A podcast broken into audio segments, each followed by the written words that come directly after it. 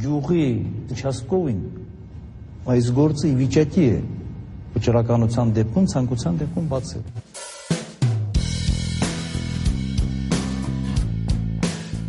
Ղարաբաղյան համարով մեքենաներ, Ղարաբաղից terroristներ, ազնիվ չէ։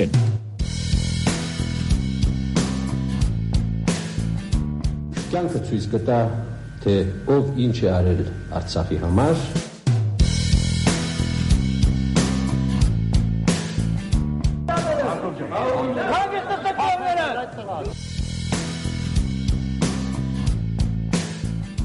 Ձեզ այնքան կծեց են դալաններում, որ դուք կարտագաղթեք։ Նորագույն պատմություն Երրորդ հանրապետություն ազատության աչքերով։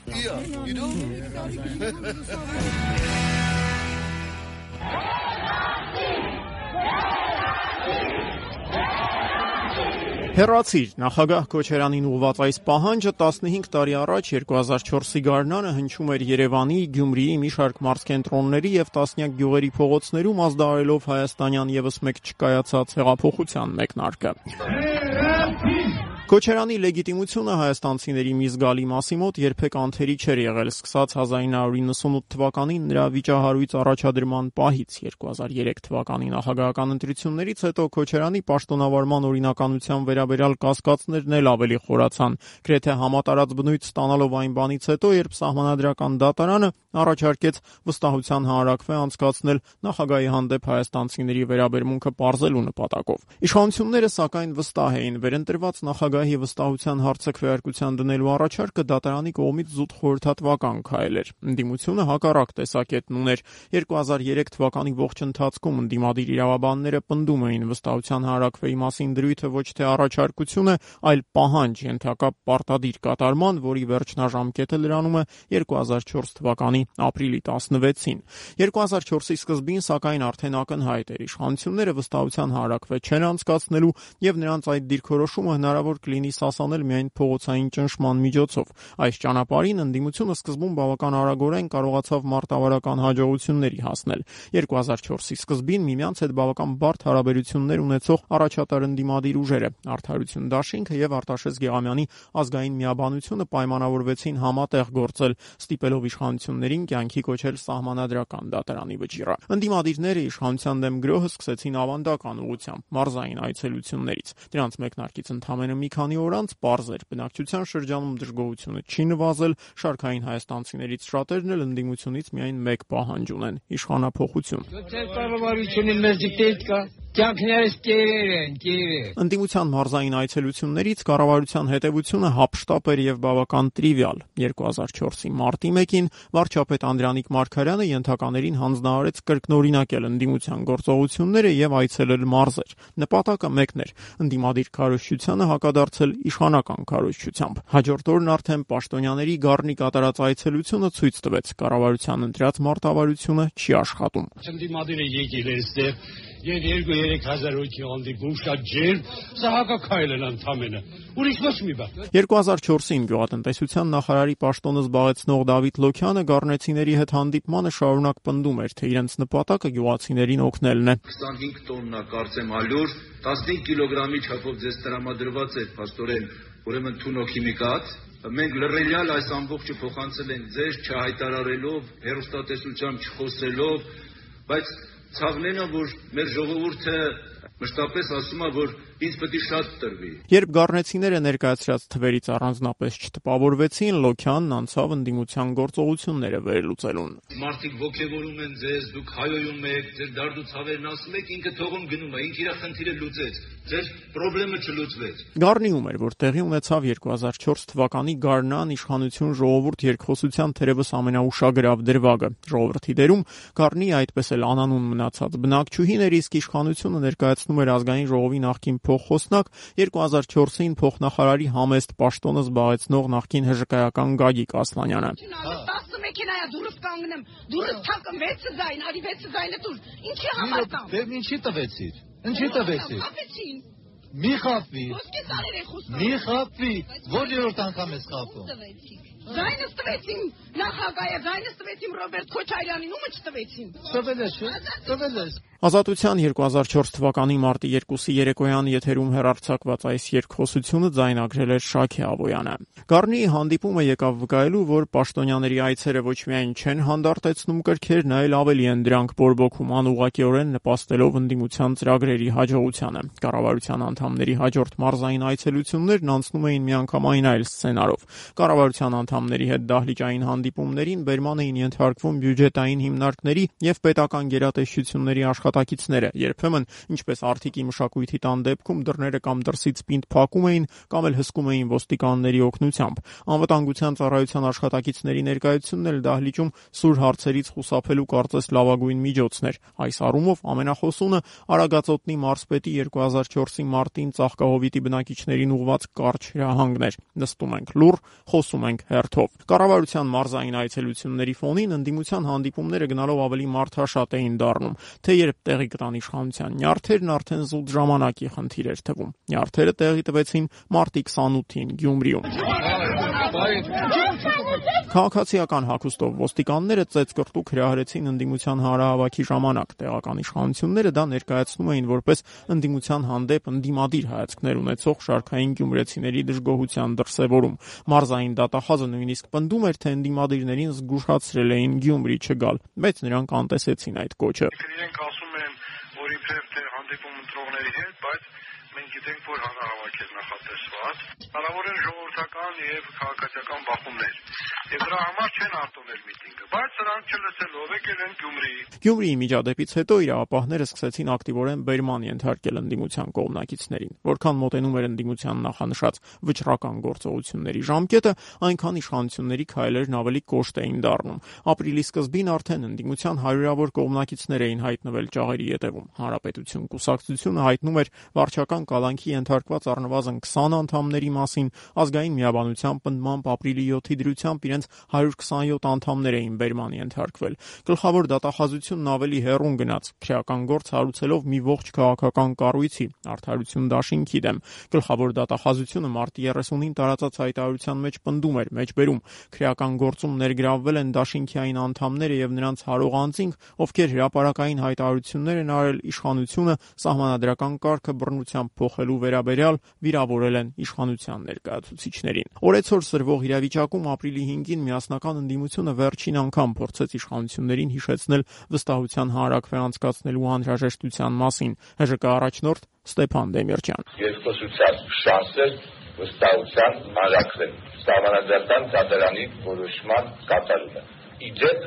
այդ շանսը դեռևս կորած չէ։ Դեմիրճյանի այս հայտարարությունը նաև պատասխաներ Դաշնակցության նույն օրը հնչեցրած առաջարկ զգուշացմանը, որով Դաշնակցականները կոչ էին անում անհապաղ երկխոսություն սկսել բախումներից խուսափելու համար։ Որքան սրվում էր ներքաղաքական ճգնաժամն, այնքան ավելի ակնհայտ էր դառնում, որ իշխող կոալիցիայի ներսում եւս տարաձայնություններ կան։ 2004-ի գարնանը հիմնականում տնտեսական թեմաներին վերաբերող վեճերը ծավալվել էին հանրապետականների եւ Դաշնակցության միջև։ Ազգային ժողովի փոխոսնակ հանրապետական Տիգրան Թորոսյանը կոչ էր անում զերծ մնալ ներկոալիցիոն վեճերի հրապարակայնացումից։ Նրա այս դիտարկմանը Դաշնակցական Վահան Հովանիսյանը պատասխանեց կենթանական աշխարից օրինակ բերելով։ Մենք չենք նմանվում ոզնիների, որոնք արտաքին վտանգը զգալուց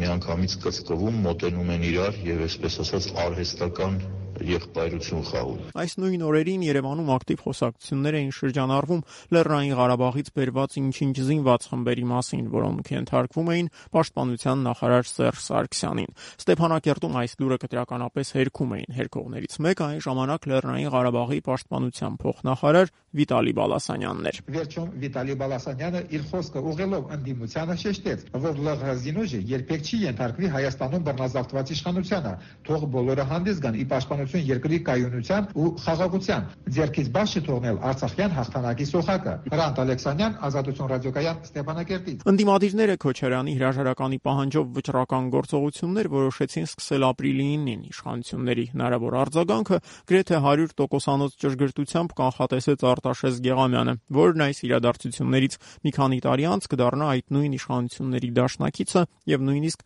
կհամալրի հանրապետական կուսակցության խորհրդարանական խմբակցության շարքերը։ խոսքերը։ Հայաստանի Հանրապետությունում անպայմանորեն պետք է գոնե մի քանի օր նստես, որ գաց իշխանության։ Այս կանխատեսումից մի քանի ժամ անց, սակայն ապրիլի 5-ի երեկոյան Արտաշես Գեղամյանը ստիպված էր ոչ թե նստել, այլ բարձրանալ, բարձրանալ կինոնայրի դիմաց կայանված միկրոավտոբուսի կտուրին։ Գեղամյանը մեքենան որպես հարթակ ստիպված էր օգտագործել այն բանից հետո, երբ ոստիկանությունը խափանեց Մատենադարանի մոտ նախատեսված նրա հանրահավաքը։ Մատենադարանին հարող ողջ տարածքը հոսանքազրկված էր եւ բարձրախոսների համար էլեկտրականության միակ աղբյուրն այդ միկրոավտոբուսն էր, որի կտուրին էլ ապրիլի 5-ի երեկոյան հայտնվեց Արտաշես Գեղամյանը դեմ դիմաց իր հայրական տան պատշգամբին։ Մեծագույն իմաստ եմ տեսնում, որ 1949 թվականին ծնելով ճիշտ այս դիմացի շենքում 54 տարի անց այստեղ նույն մեր շենքի, մեր քաղաքի, մեր երկրի փրկության հաղթարշավն ենք սկիզբ դնում։ Մաշտոցի Պողոտայի Նայիրի կինոթատրոնին հարող հատվածում սակայն հավաքվել էին ոչ միայն ընդդիմության աջակիցները, այլև ամրակազմ երիտասարդներ, որոնք ոստիկանության կատարյալ անգործության պայմաններում Երևանի կենտրոնում կրկնեցին այն նույն, ինչ մեկ շաբաթ առաջ տեղի էր ունեցել Գյումրիում։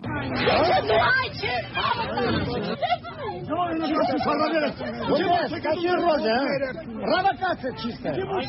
Банан, банан. Վայր գցեցին առավոտի թղթակից Աննա Իսրայելյանին, ջարդուփշուր արեցին հայկական ժամանակի թղթակից Հայ Գևորգյանի լուսանկարչական ապարատը, ջարդել են կենտրոն հերոստանգերության տեսախցիկը, Հայլուրի օպերատորի ասելով իր տեսախցիկն էլ են ջարդուփշուր արել։ Այդ իրավիճակում հնարավոր չէր ամեն ինչ նկատել, տեսել են, որ ջարդել են նաև Հայ TV հերոստանգերության տեսախցիկը, ինչ որ պայթող բան շպրտեցին, դա ավելի շատ նման էր նոր տարվա օրերին երեխաների շպրտած պայթուցիկներին, որոնք մեծ աղմուկ են հանում այդ տղաները հարվածեցին մի քանի ցուցարարների, խփել են նաև մեծ բրիտանացի լուսանկարիչ Օնիկ Գրիգորյանին։ I think that basically the authorities are trying to, provoke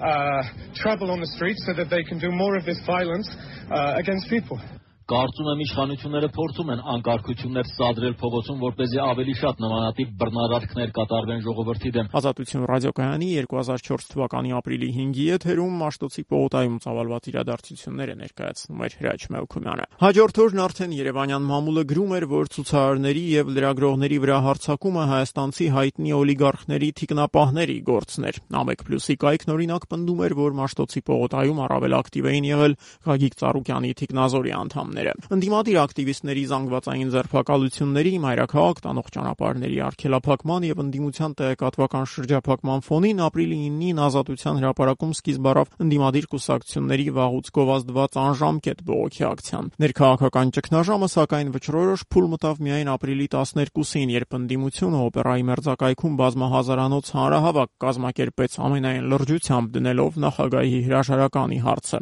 Հանրահավաքը Ռոբերտ Քոչարյանին ուղված կոչով բացեց դիրիժոր Օհան Դուրյանը։ Պարոն Քոչարյան, ժողովրդի ցայնը լսեցեք, ավելությունը ձեր նկատմամբ մեգանում է։ Ժողովուրդը ձեզ չի սիրում։ Երեկոյան կողմ ընդդիմության հազարավոր կողմնակիցներ շարժվեցին դեպի Բաղարամյան պողոտա, որը սակայն արդեն իսկ արգելափակված էր։ Ազգային ժողովի դարպասներից մինչև դիմացի մայթում գտնվող գիտությունների ազգային ակադեմիայի շենք փշալար եւ մետաղական պատնեշներ էին տեղադրվել խորհրդարան մտնելու նպատակով պատնեշը չէին կարողանում հաղթահարել անգամ ընդդիմադիր падգամավորները։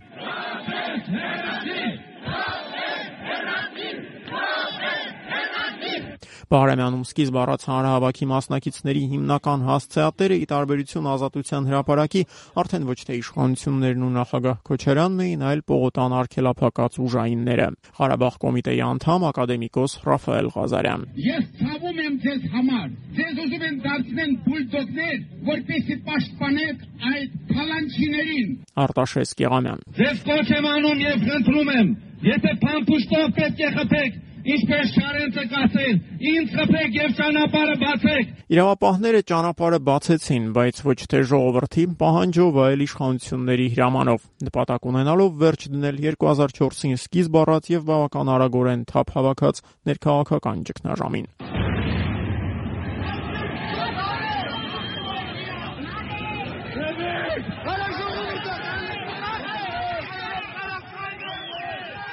Ոստիկանության գրոհը սկիզբ առավ գիշերը ժամը 2-ի մոտ, երբ Բաղրամյան պողոտայում մի քանի հազար ցուցարար էր մնացել։ Ազատության ապրիլի 13-ի եթերում ոստիկանական գրոհի մանրամասները ներկայացնում էր Հրաչ Մելքումյանը։ Հիմա այնպիսի վիճակ է, որ ոչ մեկը չի երևում։ Ով որտեղ կարողանում է, հաղթում է թաքնվելու համար։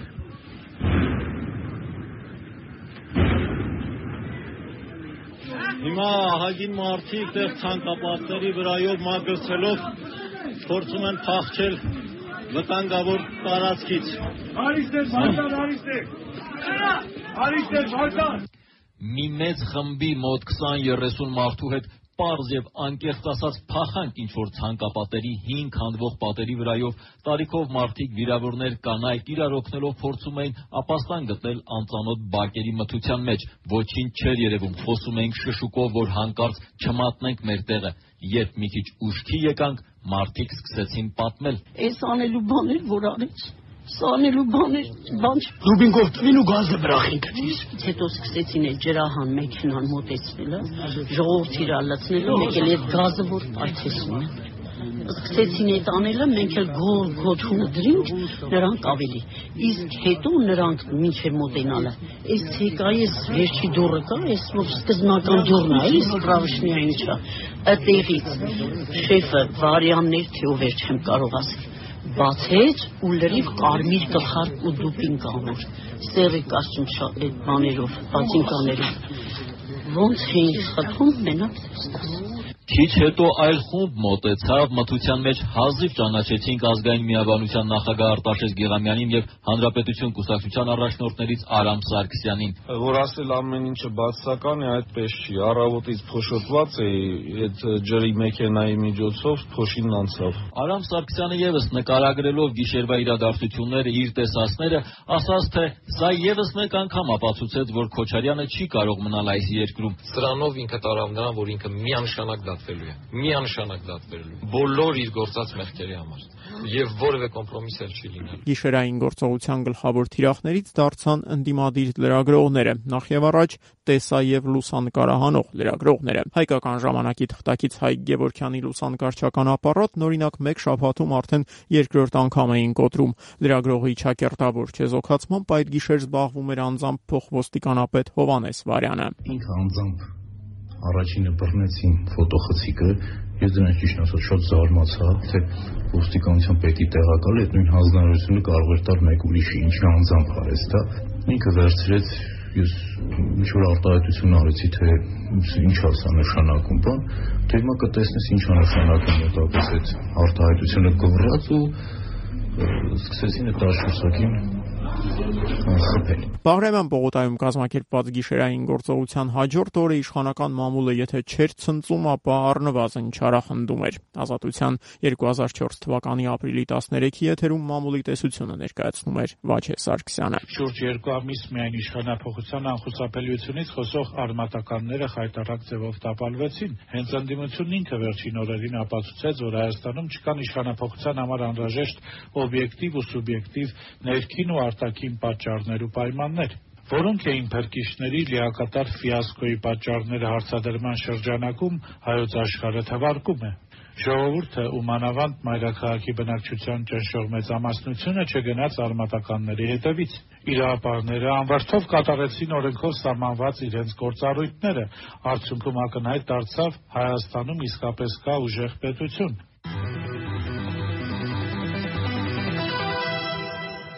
Գոլը Սարմենի թերթն էլ Երևանից որակում է։ Իշխող կոալիցիայի ցանկացած կուսակցություն ընդդիմադիրներից կրկնակի ավելի միտինգավոր կարող է հավաքել, ընդդիմության միակ շանսը կոնֆլիկտային իրավիճակ սադրելն էր, եւ երբ դրա դեմ կարմիր լույս վառվեց, նրանց այդ պլանները հոդս ցնդեցին։ Ապրիլի 13-ին ընդդիմության հաջակիցների ձերբակալությունների ալիքը հասավ կուսակցությունների ղեկավար անդամներին եւ անգամ անձեռմխելիության փոշտված падգամավորներին։ Գիշերը ձերբակալված Շավարժ Քոչարյանին օրինակ ոստիկանությունը մեղադրում էր ցույցին հրազենով մասնակցելու մեջ։ Ձերբակալվածների թվում էին նաև Հանրապետություն կուսակցության ղեկավար անդամներ, նախկին պաշտպանության նախարար Վաղարշակ Հարությունյանը, Արտակ Զեյնալյանը։ Դիմադիրների 2004-ին իրականացված ձերբակալություններն ի դեպ առաջինն էին, որ կատարվում էին օմբուդսմենի գործող ինստիտուտի պայմաններում։ Դա սակայն բերման ենթարկվածներին առանձնապես չէր օգնել։ Նորանշանակ օմբուդսմեն Լարիսա Ալավերդյանը արդեն իսկ հասցրել է աչքի ընկնել մարդու իրավունքների մասին իր ունեցած ուրույն պատկերացումներով ձևակերպել է այսօր հայկական ժամանակը փոխանցելով մեկուսարներում վարչական կալանքի ենթարկվածներին այցելելով նա դասախոսություններ է կարդացել հանրահավաքների վնասակարության մասին։ 2004-ի ապրիլյան անհաջող հեղափոխության իրական հերոսն ու խորհրդանիշը սակայն Լուսակերտի 24-ամյա բնակիչ Էդգար Առաքելյանն էր։ Ընդդիմության այս աջակիցը ապրիլի լույս 13-ի գիշերը ջերմուկի պլաստիկե դատարկ շշով հարվածեց ոստիկանության զորքերի փոխգնդապետ Սահակ Մարտիրոսյանի գլխին։ Այս արարքի համար, որի հետևանքով իդեպ ոստիկանության սպան նույնիսկ քերծվածք չէր ստացել, Առաքելյանին մեղադրանք առաջադրվեց քրեական օրենսգրքի 300-րդ հոդվածով պետական իշխանության յուրացման հատկանիշներով պատճառներով։ Հետագայում, երբ դատախազությունում թերևս հասկացան, որ ջերմուկի շշով պետական իշխանության յուրացումն ավելի շատ բան է ասում ոչ թե յուրացնողի, այլ իշխանության մասին, Արաքելյանին ներկայացված մեղադրանքը վերավորակվեց 316 հոդված իշխանության ներկայացուցչի նկատմամբ բռնության գործադրում։ Դատախազությունը Արաքելյանի համար 2.5 տարվա ազատազրկում էր պահանջում, սակայն դատավոր Պարքև Օհանյանը Էդգար Արաքելյանին 2004 թվականի մայիսի 26-ին դատապարտեց 1.5 տարվա ազատազրկման։ 2005-ին տարիներին Առաքելյանը դուրս եկավ բանտից եւ քիչ անց ամուսնացավ։ Երևանյան պարբերականներից մեկի տեղեկություններով ընդդիմադիր ակտիվիստի հարսանիքին ներկա էր ԺԿ առաջնորդ Ստեփան Դեմիրճյանը։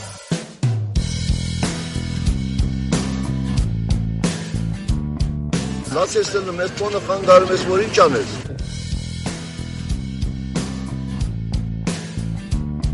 Ձեզ այնքան կծեց են դալաններում, որ դուք կարտագաղթեք։ Նորագույն պատմություն։ Երրորդ հանրապետությունն ազատության աչքերով։